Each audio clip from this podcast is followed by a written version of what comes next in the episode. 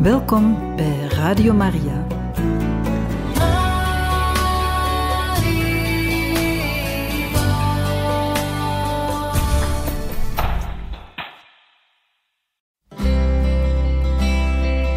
Welkom bij Boekat, een programma van Radio Maria.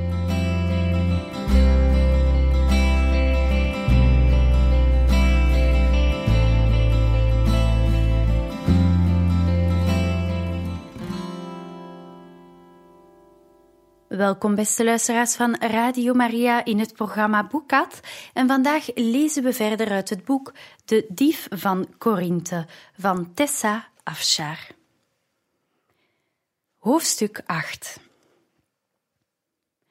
Claudia de jongste woonde in een klein huisje aan de uiterste rand van een chique buurt, vlakbij het marktplein. Met al die rumoerige zussen was het ongemakkelijk krap. Ik ging daar het liefst zo min mogelijk op bezoek, wat mijn vriendin goed uitkwam.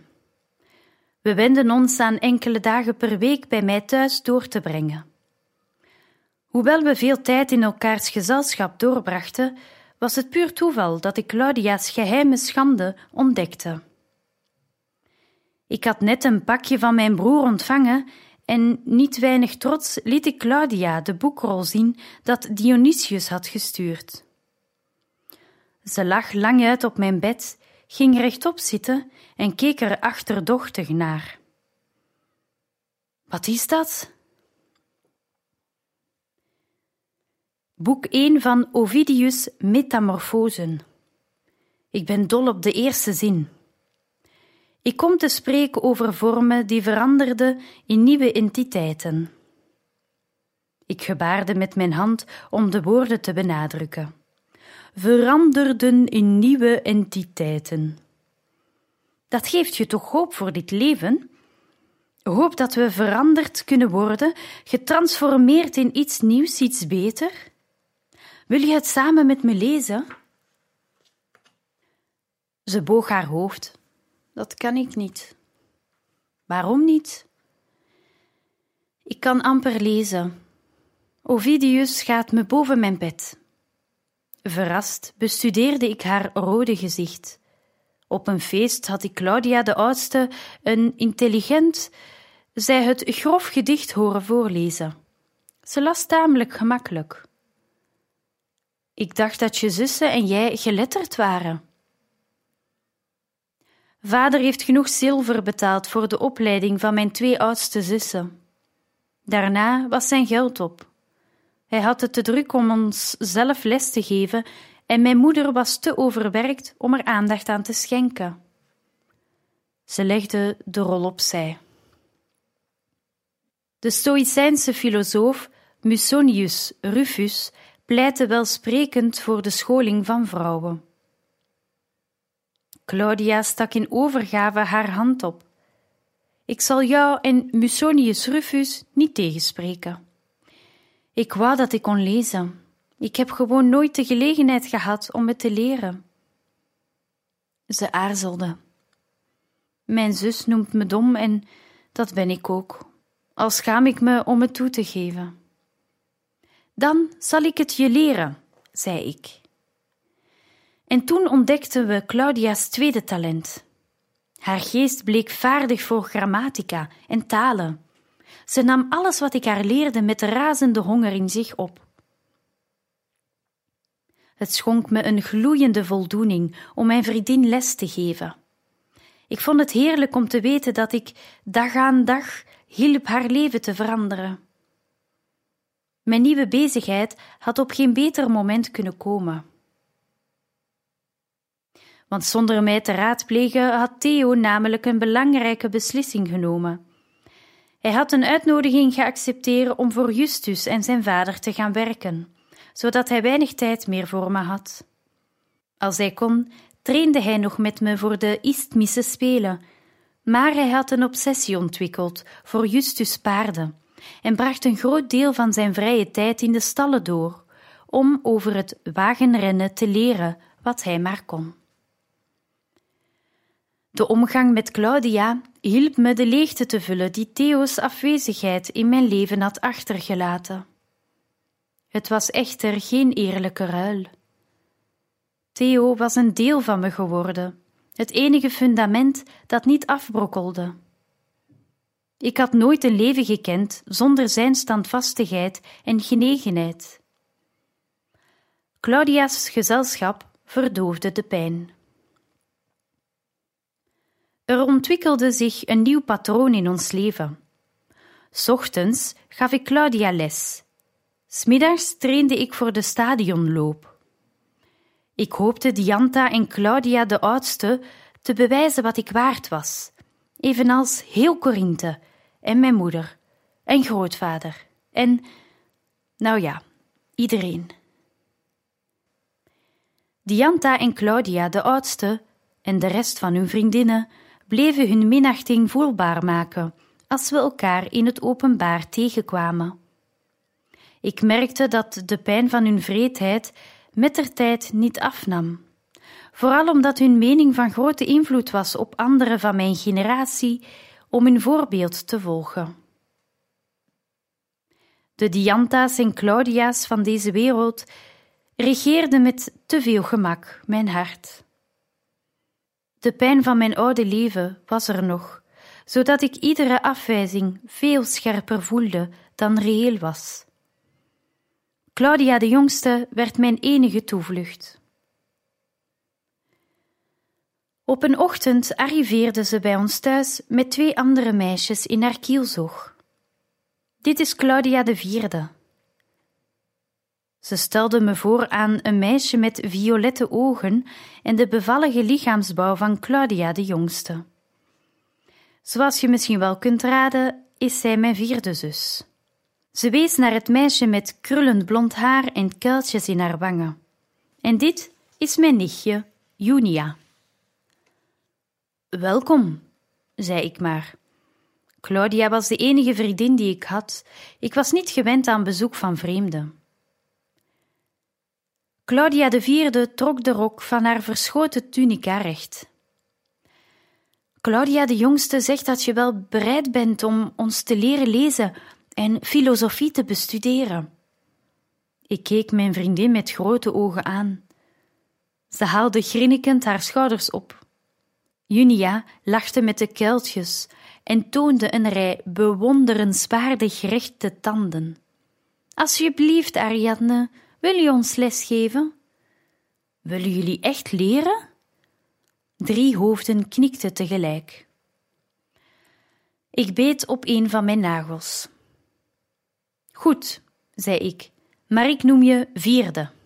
Ik wees naar Claudia's oudere zus. Tegen de tijd dat ik dat hele verhaal uit mijn mond heb, ben ik te oud om iemand les te geven. En zo begon ik mijn eigen school voor vrouwen.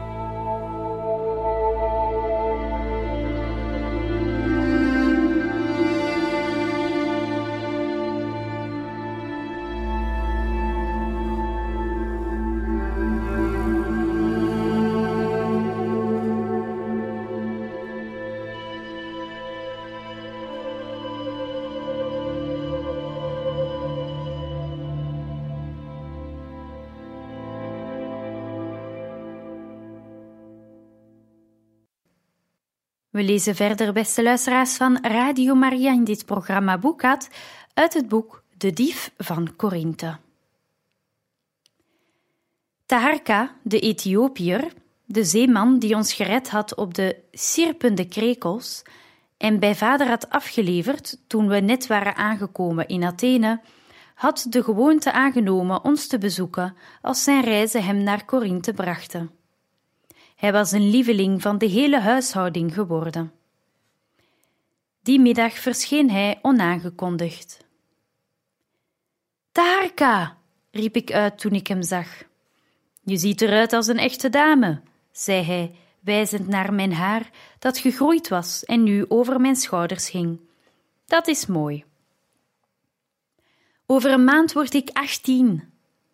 Echt? Ik dacht dat de tijd jou niet kon inhalen, omdat je zo hard loopt. Maar hij heeft je dus net als ons allemaal in zijn netten verstrikt. Aangetrokken door het geluid van onze stemmen kwam vader naar het vestibulum. Taharka, wat een vreugde om je lelijk gezicht te zien. De Ethiopiër, die een onmiskenbaar knap gelaat had, grijnsde en legde vriendschappelijk een hand op vaders schouder. Galenos, mijn vriend, je bent nog net zo oud en verschrompeld als altijd. Zijn lach wankelde en hij keek naar de grond. Ik vrees dat ik je slecht nieuws breng. Mijn zoon. De moed zonk me in de schoenen. Taharka bracht soms boodschappen heen en weer tussen vader en Dionysius en had mijn broer goed leren kennen. Taharka schudde zijn hoofd. Hij maakt het goed. Dan is het niets wat niet te verhelpen is, zei vader, en hij ging ons voor naar zijn tablinum. Toen we zaten, schonk hij voor Taharka in zichzelf een beker van zijn beste Spaanse wijn in. Vertel, wat voor slecht nieuws heb je? Je had me toch verteld dat je een aandeel had gekocht in het schip Paralus? Ja, een groot aandeel. Het grootste deel van het schip en de lading zijn van mij. Een nieuwe onderneming. Ik vrees dat het vergaan is. Vader ademde duidelijk hoorbaar in. Weet je het zeker? Er is geen twijfel aan, Galenos.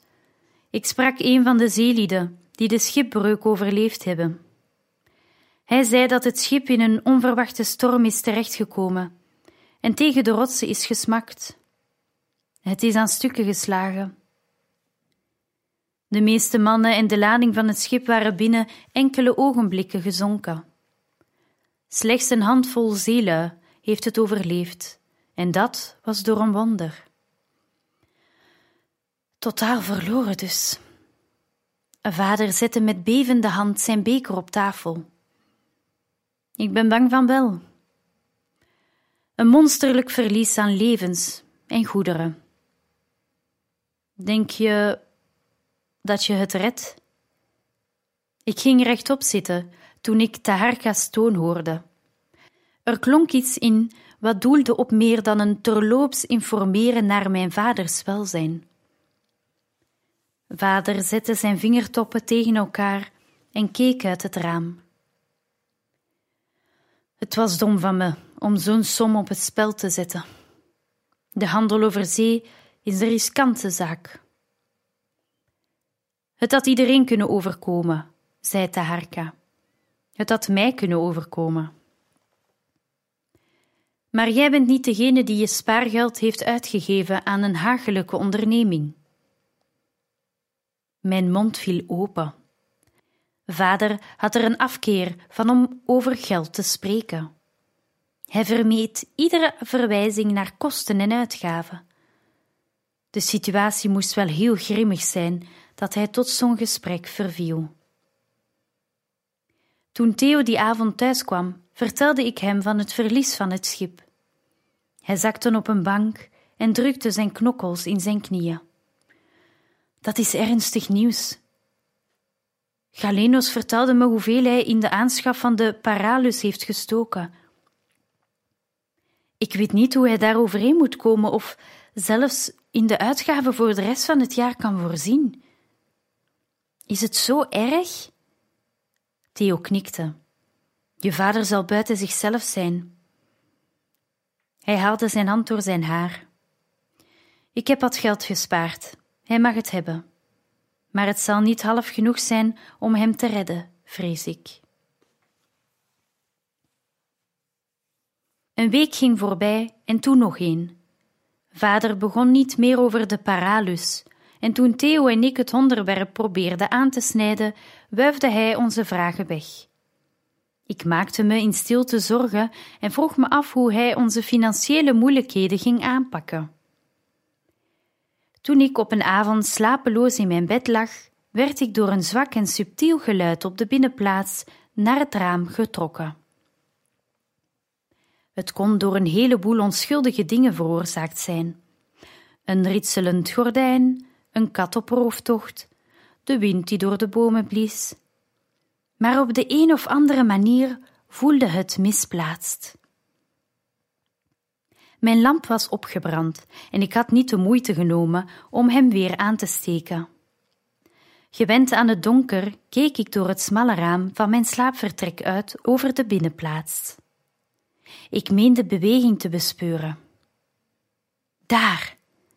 Een man in een donkere, korte tunica en een enkel lange militaire broek bewoog zich steels door ons atrium. Een dief! Zijn manier van bewegen kwam me bekend voor. Ik besefte dat hij niet binnenkwam, maar het huis had verlaten via een zijdeur. Had hij ons al beroofd? Dan had hij wel heel zachtjes moeten sluipen, om dat onopgemerkt te doen. Zonder na te denken klom ik op de balustrade, stopte mijn tunica in mijn centuur en begon langs de geribbelde zuil die tegen mijn kamer leunde naar beneden te klimmen. De man draaide zich om toen ik op de grond sprong. Ik schoot met een snelle beweging in de schaduwen. Hij kon me niet zien, maar ik zag hem een fractie van een seconde. Dat was genoeg. Ik herkende hem meteen. Het was mijn vader.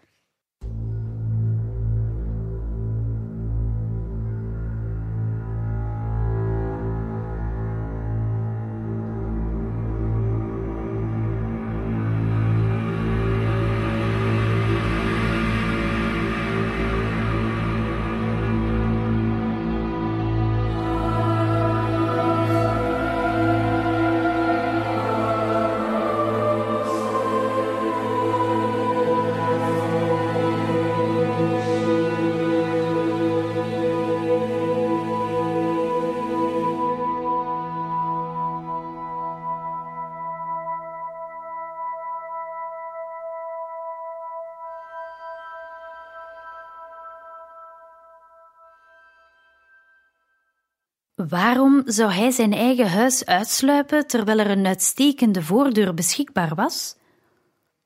Ik hield mezelf voor dat het mijn zaken niet waren. Als mijn vader privéafspraakjes had, wie was ik dan om daar bezwaar tegen te maken? Vader sloop door het hek en deed het zachtjes achter zich dicht. Ik bleef even stilstaan.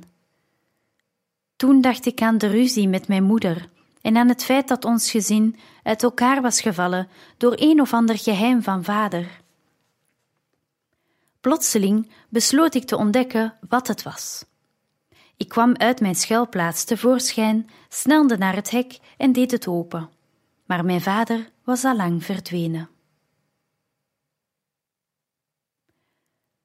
De volgende dag vergat ik vaders vreemde vertrek uit ons huis toen iets wat nog veel verrassender van mijn aandacht opeiste. Dionysius stond onaangekondigd bij ons op de stoep. Het was onze gewoonte om de avondmaaltijd modieus vroeg te gebruiken, en toen de eerste gang op tafel stond, verscheen Dionysius in ons midden, met een brede grijns op zijn gezicht. Ik schreeuwde van blijdschap en vloog naar hem toe. Theo, die die avond bij wijze van hoge uitzondering thuis was gebleven voor het avondeten, kwam er ook bij en we persten mijn broer bijna fijn tot hij begon te piepen. Mijn vader zat als bevroren op de bank en verslond mijn broer nagenoeg met zijn ogen. Dionysius maakte zich los van Theo en mij en liep haastig naar hem toe. De twee smolten samen in een omhelzing die ik nooit zal vergeten. Het was alsof de goden de klok hadden teruggedraaid en Dionysius weer een klein jongetje was, begraven in vaders armen, waar hij veiligheid en geborgenheid vond. Ik heb je gemist, zei Dionysius. Ik kon het niet verdragen om nog één dag langer weg te blijven. Mijn zoon. Mijn anders zo spraakzame vader kon niets anders uitbrengen dan die twee woorden. Hij herhaalde ze steeds opnieuw. Ik wachtte tot Dionysius zijn gezicht naar me toe draaide en rende toen naar hem toe. Te midden van onze blijdschap merkte ik dat er iets ontbrak, en toen drong het me door dat Theo niet bij ons was. Hij stond als vastgenageld op de plek waar ik hem had achtergelaten. Zijn gezicht was verwrongen, alsof hij moest huilen. Ik wenkte hem en Dionysius, die zijn afwezigheid ook had opgemerkt, riep hem. Theo kwam, maar hij ging apart zitten, op de bank tegenover ons. Hoe heb je Dexios overgehaald om je bezoek toe te staan? vroeg vader, die zo opging in het weerzien van Dionysius dat hij Theo's afstandelijkheid niet opmerkte. Mijn broer trok aan zijn oorlelletje. Niet, er viel een stilte. Zo, zei vader. Ik ga morgen terug, voordat grootvader ontploft. Ik moest je gewoon even zien, al was het maar een paar uur. Vader grinnikte. Ik ben blij dat je gekomen bent. Of Dixius kwaad wordt, dan zien we dan wel weer. Dat je hier bent, dat is het waard. Je bent de beste vader van de wereld, zei mijn broer. Ik hapte naar adem toen ik naar Theo keek. Hij was lijkbleek geworden. De volgende ochtend vroeg keerde Dionysius naar Athene terug, voordat mijn moeder en grootvader de kracht van hun gezamenlijke vijandigheid tegen mijn vader konden keren. Hij beloofde grootvaders opgezette veren glad te strijken.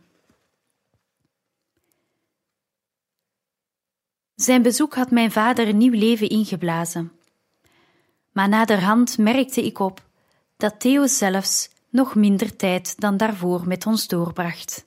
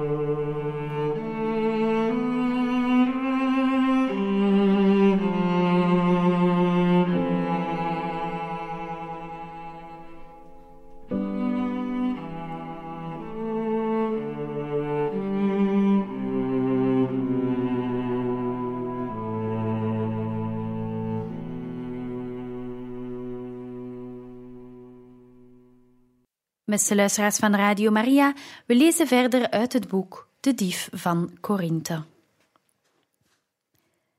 Twee weken later nam ons lot een onverwachte wending. Vader ontving een forste winst uit een bescheiden investering die hij het vorige jaar had gedaan. Ik was te jong om te begrijpen hoe zo'n kleine investering zo'n aanzienlijke som geld kon opleveren, maar het kon me eerlijk gezegd niet schelen. Wat ik wel belangrijk vond, was dat de matte houding van verslagenheid, die hem sinds het zinken van de Paralus aankleefde, verdween. Onze redding van dreigende armoede viel toevallig samen met een opwindende gebeurtenis waar de stad maandenlang druk mee was. Theo bracht ons het nieuws. Hebben jullie gehoord dat de nieuwe prefectus, Gaius Orestes, kort geleden beroofd is? We zaten op de binnenplaats te eten, hoewel we nauwelijks trek hadden. De zomer had zijn hand dat jaar zwaar op ons gelegd en de hitte bracht de stank van afval en drukkende vochtigheid met zich mee, die het benauwd maakten. Tussen de hapjes fruit door wuifde ik me koelte toe. Orestes, dat is toch die beambte die zich binnen drie maanden na zijn komst al impopulair had gemaakt? Vader stopte een olijf in zijn mond. Het is inderdaad een gruwelijke zaak als de accountant een accountant nodig heeft. Orestes doet alsof de staatsschat zijn persoonlijke erfenis is. Erger nog, hij maakt het leven van zijn ondergeschikten tot een nachtmerrie. Nu hebben ze wraak. Theo greep zijn kelk en sloeg grote slokken bronwater achterover. Hij is vannacht beroofd. Het schijnt dat de dief hem nog geen speld heeft overgelaten om zijn toga vast te maken. Ik grinnikte. Hm, wat een tragedie. Een toga was een lastig kledingstuk om te dragen. Als er niet zo'n duidelijk sociaal statement mee werd gemaakt, zou niemand er ooit vrijwillig een dragen. Alleen een Romeins staatsburger als mijn vader had het voorrecht zich in die lange lappen te hullen. Mijn vaders lijfknecht streek de plooien van zijn toga urenlang, met gebruikmaking van verfijnde houten vierkantjes om keurige plooien te maken, die hij op zijn schouder vastspelde. Een man hoorde geen spel te gebruiken aan zijn toga, maar de massa stof op de linkerarm werd hinderlijk en de meeste mannen gebruikten er één voor het gemak. En hier verandert het verhaal in een komedie, zei Theo. De vrouw van Orestes, die net in bad was geweest, kwam binnen op het moment dat de dief op het punt stond haar slaapvertrek te verlaten. In haar verrassing liet ze haar handdoek vallen. Ik legde de vijg neer die ik net in mijn mond had willen stoppen. En toen? De dief keerde haar respectvol de rug toe en gaf de handdoek met afgewende ogen aan de dame terug. Ik giechelde. Dan zal ze wel teleurstellend zijn geweest. Ariadne, zei vader geschokt. De vrouwen van Corinthe hadden een slechte reputatie, die de meesten niet hadden verdiend. De wereld gebruikte de term Corinthisch meisje voor vrouwen met een zeker beroep. Die conclusie kwam voort uit de vele prostituees die in de tempel dienden, vooral in die van Afrodite. In werkelijkheid was het gemiddelde Corinthische meisje net zo kuis als alle andere Griekse meisjes. Als mijn vader een goed voorbeeld was, dan waren Corinthische ouders net zo ijverig in het bewaken van de maagdelijkheid van hun dochters als de rest van Grecia of Italia. Pardon, wat deed die dame toen, Theo? Ze was kennelijk zo onder de indruk van de keurige manieren van haar nachtelijke bezoeker dat ze hem complimenteerde. U bent wellevend voor een dief, zei ze tegen hem. Ik ben een dief van spullen, mevrouw. Ik steel geen deugdzaamheid, zei hij. Ik brulde van het lachen. Heeft ze niet geprobeerd hem tegen te houden? Het hele huis bij elkaar gegild?